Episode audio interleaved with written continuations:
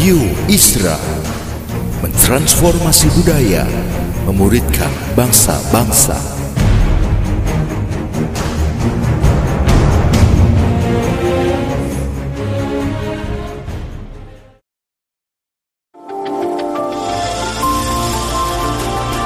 Voice of Pradaim menyuarakan paradigma kebenaran firman Tuhan yang esensi untuk memperlengkapi Anda menggenapi misi dan panggilan ilahi. Selamat mendengarkan.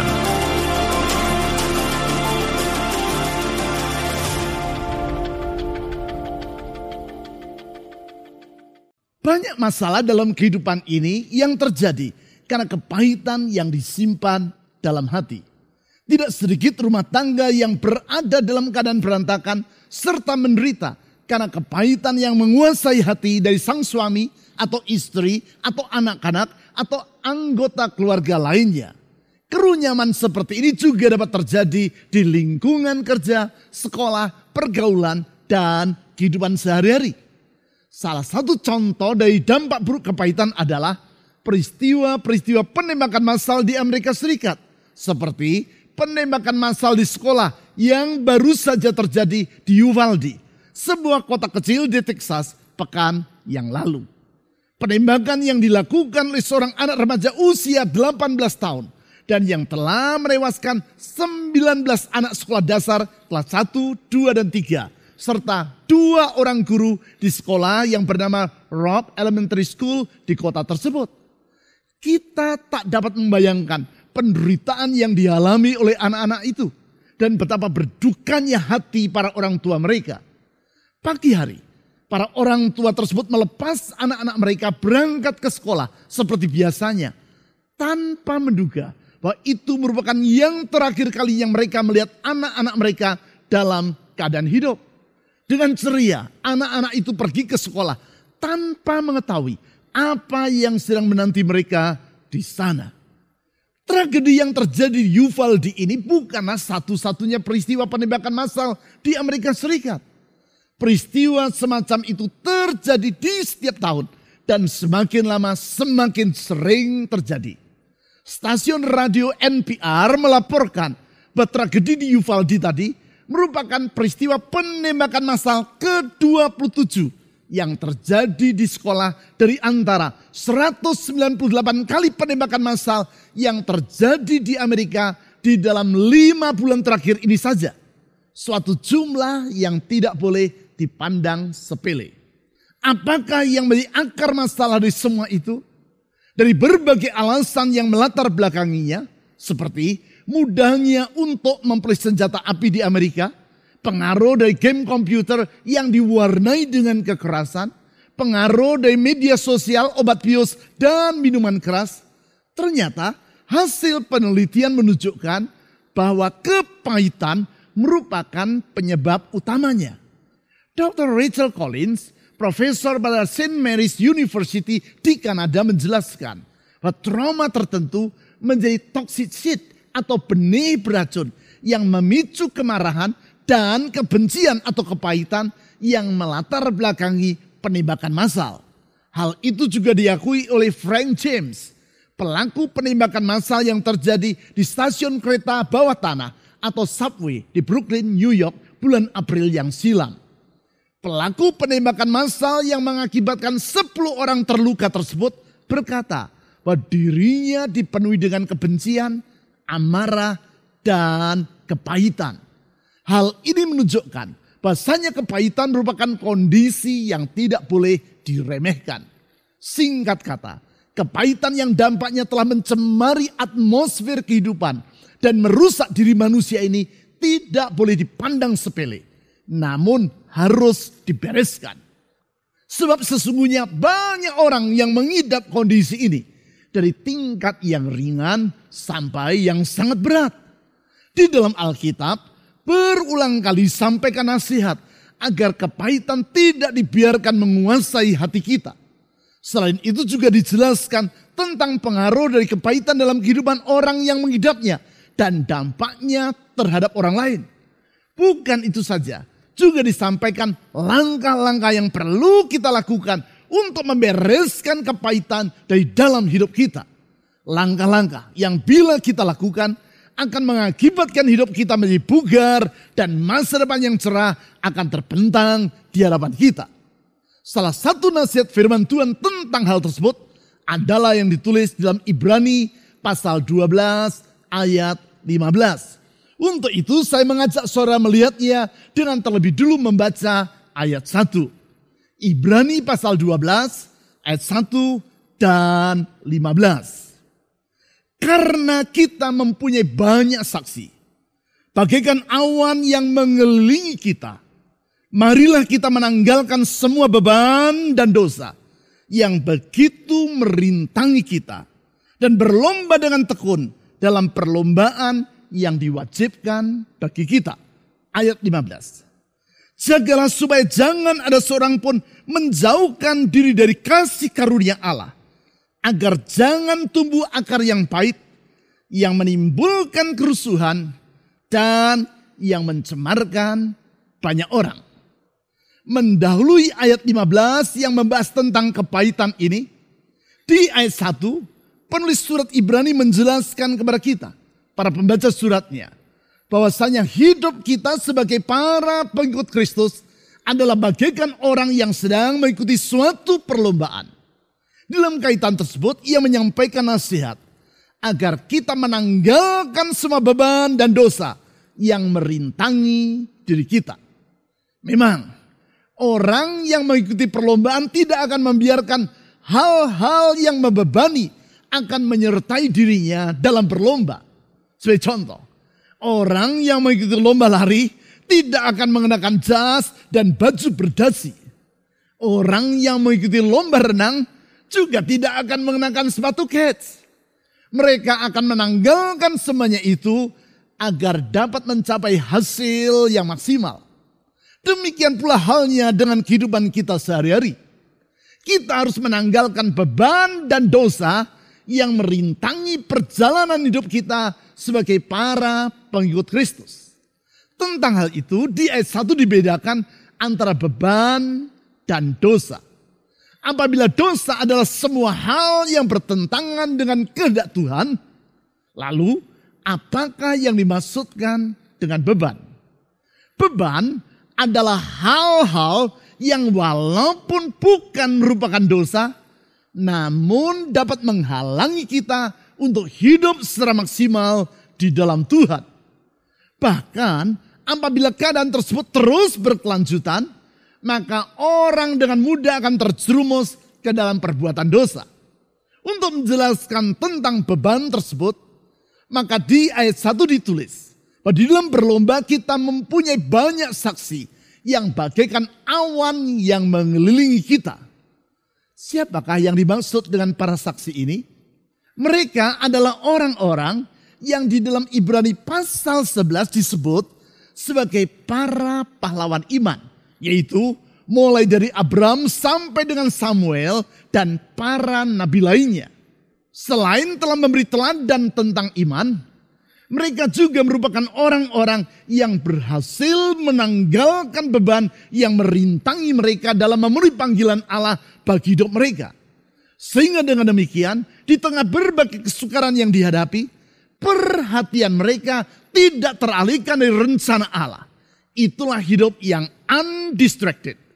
Di antara para pahlawan iman dalam Ibrani pasal 11 tersebut, kita akan menelaah kehidupan empat orang. Melalui kehidupan mereka, di sepanjang bulan ini, kita akan mempelajari bagaimana kita dapat hidup secara undistracted. Supaya dengan demikian, kita dapat mengisi kehidupan kita dengan kehidupan yang maksimal. Untuk itu pertama-tama kita akan melihat kehidupan dari Yusuf. Putra dari Yakob yang adalah cucu dari Abraham. Yusuf yang merupakan teladan dari pribadi yang mampu mengatasi kepahitan dari dalam hidupnya. Sehingga sebagaimana yang tulis dalam Ibrani pasal 12 ayat 15 yang telah kita baca tadi. Kita diajar agar tidak membiarkan akar pahit bertumbuh dalam hidup kita. Dengan mempelajari ayat tersebut, dan melihat tindakan Yusuf kepada saudara-saudaranya, yaitu seperti yang dicatat dalam kejadian pasal 50 ayat 15 sampai 21, kita dapat mengambil kesimpulan bahwa untuk membereskan kepahitan, setidaknya ada tiga langkah yang harus kita ambil. Ketiga langkah tersebut adalah yang pertama, yaitu menyadari dampak buruk dari kepahitan. Saya ulangi, langkah yang pertama untuk membereskan kepahitan adalah menyadari dampak buruk dari kepahitan, termasuk dampaknya yang buruk terhadap kehidupan kita. Dampak tersebut secara lugas diutarakan di dalam Ibrani pasal 12 ayat 15 tadi. Yaitu menimbulkan kerusuhan dan yang mencemarkan banyak orang. Adalah jelas bahwa kepahitan bukan hanya menimbulkan persoalan bagi orang lain. Sama seperti peristiwa penembakan massal yang telah kita bicarakan tadi. Kondisi hati tersebut juga akan mencemarkan kehidupan dari orang yang mengidapnya. Mencemarkan dalam arti menimbulkan persoalan baik secara jasmani, jiwani maupun rohani dari yang bersangkutan. Hal itu ditulis oleh Dr. S.I. Macmillan, seorang dokter medis dalam bukunya yang sangat populer yang berjudul None of These Diseases. Di situ ia antara lain menulis yang kalau saya terjemahkan ke dalam bahasa Indonesia adalah sebagai berikut. Di saat saya mulai membenci seseorang, saya menjadi budak yang bersangkutan. Saya tidak dapat lagi menikmati pekerjaan saya. Karena orang tersebut mengendalikan pikiran-pikiran saya. Kebencian saya menghasilkan hormon stres yang berkelebihan dalam tubuh saya. Dan saya menjadi kelelahan hanya sudah bekerja beberapa jam saja. Pekerjaan yang semula saya nikmati sekarang terasa membosankan. Bahkan liburan pun tidak lagi memberi kenikmatan kepada saya. Apakah ketika saudara mendengar kata-kata yang diucapkan oleh Dr. Macmillan tersebut, saudara merasa bahwa hal itu merupakan keadaan saudara saat ini?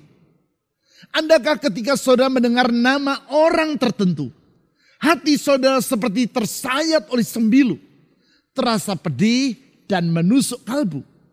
Kalau itu yang saudara rasakan, berarti kepahitan mulai atau sedang menguasai hatimu. Kepahitan yang melumpuhkan hidup Anda dan menjadikan kondisi jasmani, jiwani maupun rohani saudara dalam keadaan yang tidak bugar. Dampak buruk dari kepahitan ini diuraikan secara rinci di dalam Efesus pasal 4 ayat 31 sebagai berikut. Efesus pasal 4 ayat 31. Segala kepahitan, kegeraman, kemarahan, pertikaian, dan fitnah hendaklah dibuang dari antara kamu. Demikian pula segala kejahatan. Di ayat tersebut dipaparkan perkembangan kepahitan sampai menjadi kejahatan. Dimulai dari kepahitan, yaitu perasaan terluka oleh karena perkataan atau perbuatan seseorang terhadap diri kita maka muncullah yang disebut dengan rasa geram. Selanjutnya, kegeraman akan meningkat menjadi kemarahan. Apabila kegeraman adalah perasaan tidak senang yang terpendam dalam hati terhadap suatu situasi atau seseorang, maka ketika berubah menjadi amarah, perasaan tersebut tidak lagi tersimpan dalam hati, namun terungkap ke permukaan. Dari sana, timbullah pertikaian. Yaitu terjadi konflik yang merusak relasi. Selanjutnya orang yang menyimpan kepahitan tersebut mulai mengucapkan kata-kata yang tidak benar atau fitnah terhadap pihak yang ia benci. Pada puncaknya yang bersangkutan akan melakukan kejahatan terhadap pihak yang membuat ia merasa pahit hati. Bukankah semua itu merupakan hal yang buruk yang merusak kehidupan dari orang yang mengidap kepahitan? Jelas bahwa kepahitan akan menghambat pertumbuhan rohani kita. Merusak relasi kita dengan sesama. Dan mencuri kebahagiaan serta sukacita dari dalam kehidupan kita. Oleh karena itu, apabila saudara menyadari bahwasanya saat ini ada kepahitan yang terselip dalam hati Anda, jangan simpan kepahitan tersebut. Sebab pada akhirnya kepahitan itu akan merusak kehidupan saudara sendiri. Ambillah tindakan untuk membereskannya dari dalam hidupmu. Tak usah menunda-nundanya. Bereskan hari ini juga. Selanjutnya, Langkah kedua untuk membereskan kepahitan adalah dengan mempercayai bahwa Tuhan bekerja untuk kebaikan kita. Saya ulangi, bahwa Tuhan bekerja untuk kebaikan kita. Langkah ini adalah penting karena kepahitan timbul oleh sebab orang merasa bahwa dirinya telah diperlakukan secara tidak sepatutnya oleh orang lain. Orang lain itu bisa jadi adalah temannya, rekan sekerjanya, keluarganya, pasangan hidupnya, dan bahkan orang yang tidak dia kenal. Sebagai contoh, seorang anak muda yang merasa kepahitan terhadap ibunya sendiri. Mengapa? Karena ia merasa bahwa ibunya lebih mencintai adiknya daripada dirinya. Sang ibu lebih sering memuji dan membangga-banggakan si adik di depan orang lain. Sedangkan ia sangat jarang dipuji. Kalau sang adik melakukan kesalahan, sang ibu akan membiarkannya.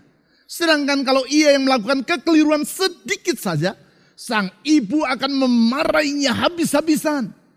Perlakuan yang tidak adil ini membuat pemuda tadi merasa kepahitan terhadap ibunya. Perasaan kepahitan ini bukan hanya tertuju kepada orang lain, tetapi tidak jarang juga tertuju kepada Tuhan. Hal itu adalah karena orang beranggapan bahwa Tuhan telah memperlakukan dirinya secara tidak semestinya. Ia telah melayani Tuhan dan membaktikan hidupnya bagi Tuhan. Namun apa yang ia harapkan tidak kunjung Tuhan kabulkan.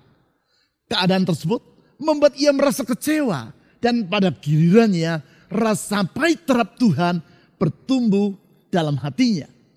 Menghadapi keadaan tersebut, di dalam Ibrani pasal 12 ayat 15 dinasihatkan, yaitu agar supaya jangan ada seorang pun yang menjauhkan diri dari kasih karunia atau anugerah Allah.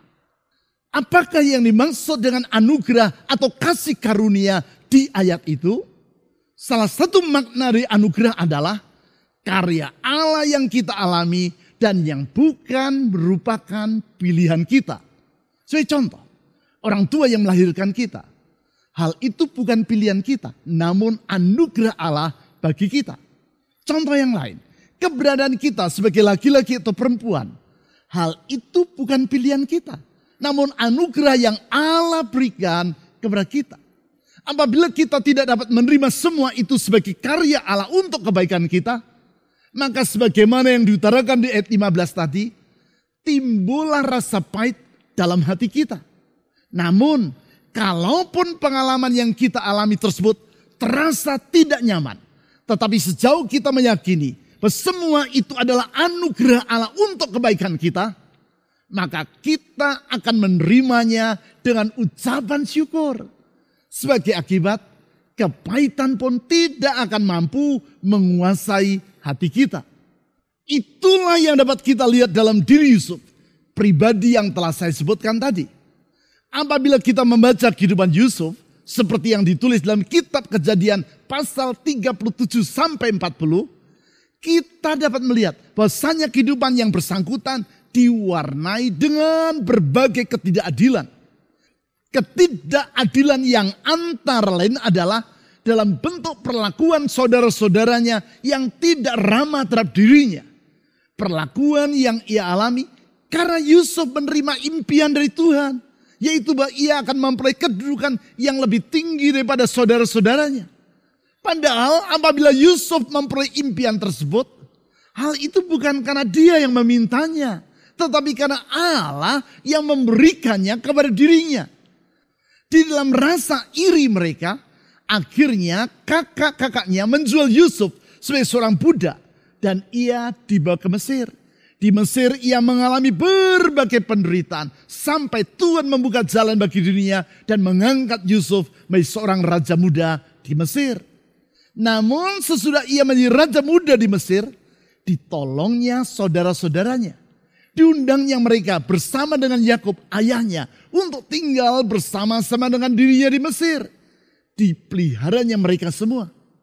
Sudah Yakub meninggal dunia, kakak-kakaknya merasa takut kalau kalau Yusuf akan membalas dendam atas perbuatan jahat yang mereka lakukan di masa lalu. Oleh sebab itu, kembali mereka memohon pengampunan Yusuf atas kesalahan yang telah mereka perbuat terhadap adiknya itu. Menanggapi permohonan kakak-kakaknya tersebut, di dalam kejadian pasal 50 ayat 20 sampai 21 dicatat bahwa Yusuf berkata sebagai berikut. Memang kamu telah mereka-rekakan yang jahat terhadap aku. Tetapi Allah telah mereka-rekakannya untuk kebaikan. Dengan maksud melakukan seperti yang terjadi sekarang ini. Yakni memelihara hidup suatu bangsa yang besar. Jadi janganlah takut. Aku akan menanggung makanmu dan makan anak-anakmu juga. Demikianlah ia menghiburkan mereka dan menenangkan hati mereka dengan perkataannya. Artinya, sebaliknya dari menyimpan kepahitan, Yusuf percaya bahwa reka-rekan jahat yang diperbuat oleh kakak-kakaknya terhadap dirinya justru diubah oleh Allah untuk mendatangkan kebaikan bagi dirinya dan bagi mereka semua. Sebaliknya dia merasa sakit hati, mendendam, geram, marah, dan membalas perbuatan jahat dari kakak-kakaknya. Justru Yusuf mengampuni mereka. Sebaliknya dari merasa kecewa kepada Tuhan, Yusuf percaya bahwa Tuhan memiliki maksud yang indah bagi hidupnya. Kalaupun jalan yang ditempuh oleh Tuhan tidak seperti yang ia inginkan, Yusuf yakin bahwa di balik semua itu Maksud Tuhan jauh lebih mulia daripada apa yang ia rencanakan bagi dirinya. Terbukti sekarang ia menjadi raja muda di Mesir. Oleh sebab itu, sepahit apa pun pengalaman yang pernah saudara lewati di masa lalu, ataupun yang sedang saudara lalui di masa sekarang, jangan biarkan kepahitan menguasai hati Anda. Percayalah, di dalam semua yang saudara lewati, Sesungguhnya Allah turut bekerja untuk mendatangkan kebaikan bagi diri Anda. Karena itu berkatalah bersama dengan saya. Ucapkan apa yang saya katakan. Baik dengan suara maupun di dalam hati. Di tempat di mana saudara sedang berada saat ini. Katakan bersama dengan saya. Tuhan Yesus. Aku percaya rencanamu selalu baik bagi diriku apa pun yang aku alami, di balik semua itu ada rencanamu yang indah bagi hidupku. Aku percaya engkau tidak pernah merencanakan hal yang buruk bagi diriku. Aku percaya melewati lembah yang curam dan bukit yang terjal. Sesungguhnya padang rumput yang hijau dan air yang tenang telah engkau sediakan bagiku. Aku percaya rancanganmu tidak akan pernah gagal. Amin. Sekarang, langkah ketiga untuk membereskan kepahitan adalah dengan memohon agar Tuhan menghapus kepahitan dari dalam diri kita. Saya ulangi, mari kita memohon agar Tuhan menghapus kepahitan dari dalam diri kita.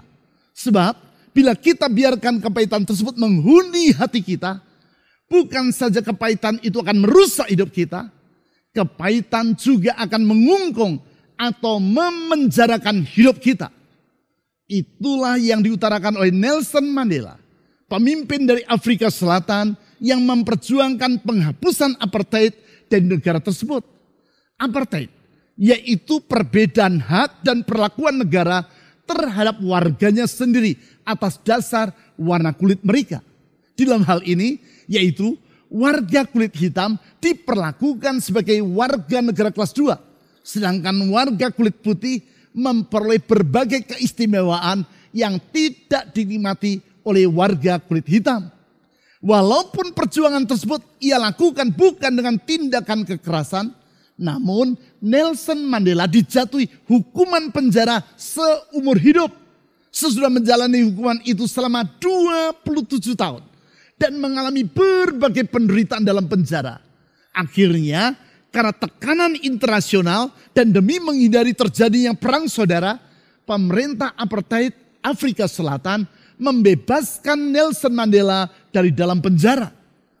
Di dalam buku riwayat hidupnya yang berjudul Long Walk to Freedom, perjalanan panjang menuju kemerdekaan, Mandela menulis, As I walk out the door toward the gate that would lead to my freedom, I knew if I didn't leave my bitterness and hatred behind, I'd still be in prison. Sementara aku berjalan keluar melalui pintu menuju ke gerbang penjara yang akan membawa diriku kepada kemerdekaanku, aku tahu apabila aku tidak meninggalkan kepahitan dan kebencian di belakang hidupku, maka aku akan tetap berada di dalam penjara. Yang ia maksudkan yaitu penjara kepahitan yang akan tetap menawan hatinya. Sebagaimana layaknya semua manusia, Nelson Mandela bukanlah pribadi yang sempurna. Namun iman Kristianinya telah mendorong dirinya untuk mengampuni orang-orang kulit putih yang memperlakukan dirinya dan orang kulit hitam di Afrika Selatan secara semena-mena. Pengampunan yang membebaskan dirinya dari kepahitan. Di sini pentingnya bagi kita untuk bersandar pada anugerah atau kasih karunia Tuhan dan bukan menolaknya sebagaimana yang diutarakan dalam Ibrani pasal 12 ayat 15 tadi, yaitu jagalah supaya jangan ada seorang pun menjauhkan diri kasih karunia Allah, agar jangan tumbuh akar yang pahit yang menimbulkan kerusuhan dan yang mencemarkan banyak orang. Di ayat ini ditegaskan pentingnya kasih karunia atau anugerah Allah untuk mencegah tumbuhnya akar baik dalam kehidupan kita. Anugerah Allah cukup bagi kita. Saya ulangi, anugerah Allah cukup bagi kita. Dalam anugerahnya, ia menghapus masa lalu kita yang kelam. Membaharui hidup kita. Memperdamaikan kita dengan dirinya. Dan dengan sesama kita. Oleh sebab itu, apabila saudara menyadari bahwa Anda masih menyimpan kepahitan kepada seseorang, mintalah agar Tuhan Yesus menyembuhkan hati Anda dan menghapus kepahitan dari dalam diri Anda. Sebagaimana Tuhan Yesus telah mengampuni semua dosa kita. Dan seperti yang dicontohkan oleh Yusuf, mari kita tidak membiarkan kepahitan memenjarakan diri kita. Dengan bersandar kepada anugerah Tuhan, mari kita mengampuni orang yang entah secara sengaja atau tidak sengaja entah secara sadar atau tidak sadar, telah melukai hati kita.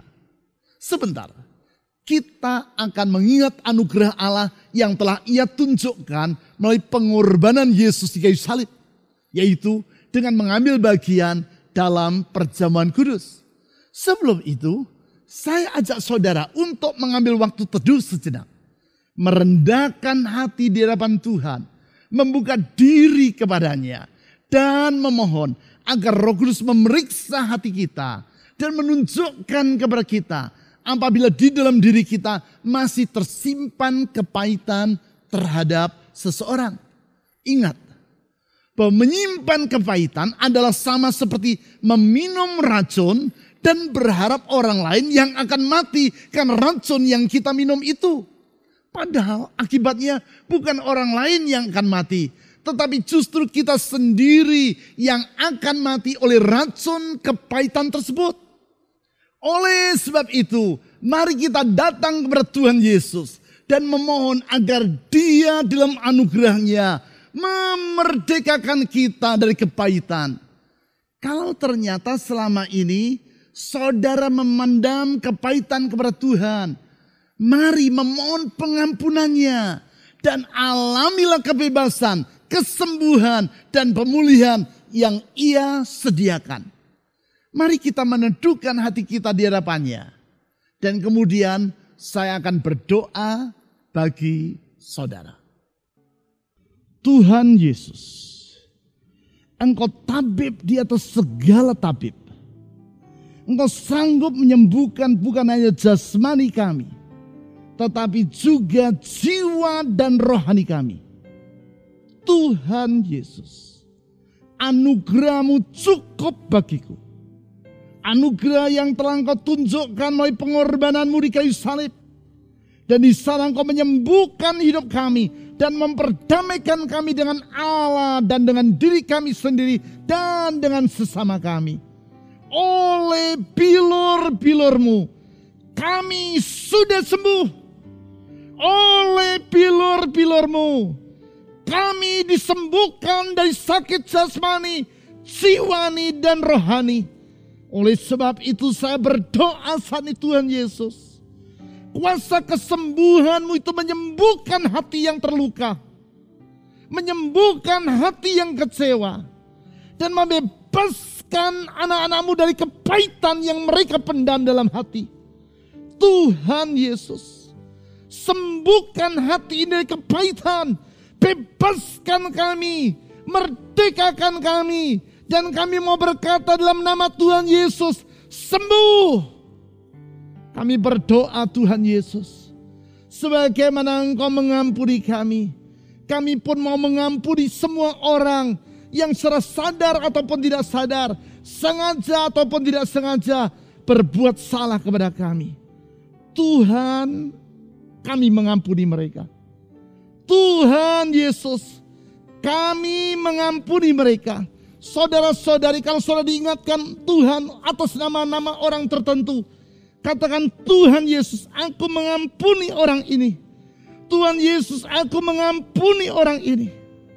Tuhan Yesus, aku melepaskan pengampunan saat ini harap mereka. Di dalam nama Tuhan Yesus, saya sekali lagi berdoa ya Tuhan Yesus. Kuasa kesembuhanmu melepaskan hati kami dari kepahitan. Memerdekakan kami, sehingga kami merdeka dalam engkau. Kami bersyukur untuk anugerahmu. Kami bersyukur untuk kasihmu. Kami bersyukur untuk masa depan yang baru. Yang kau sediakan bagi kami. Kepadamu kami mengangkat pujian. Kepadamu kami mengangkat pujian syukur. Di dalam nama di atas segala nama. Nama Yesus Kristus. Yang telah mati di kayu salib. Dan bangkit serta hidup untuk selama-lamanya. Kami telah berdoa. Amin.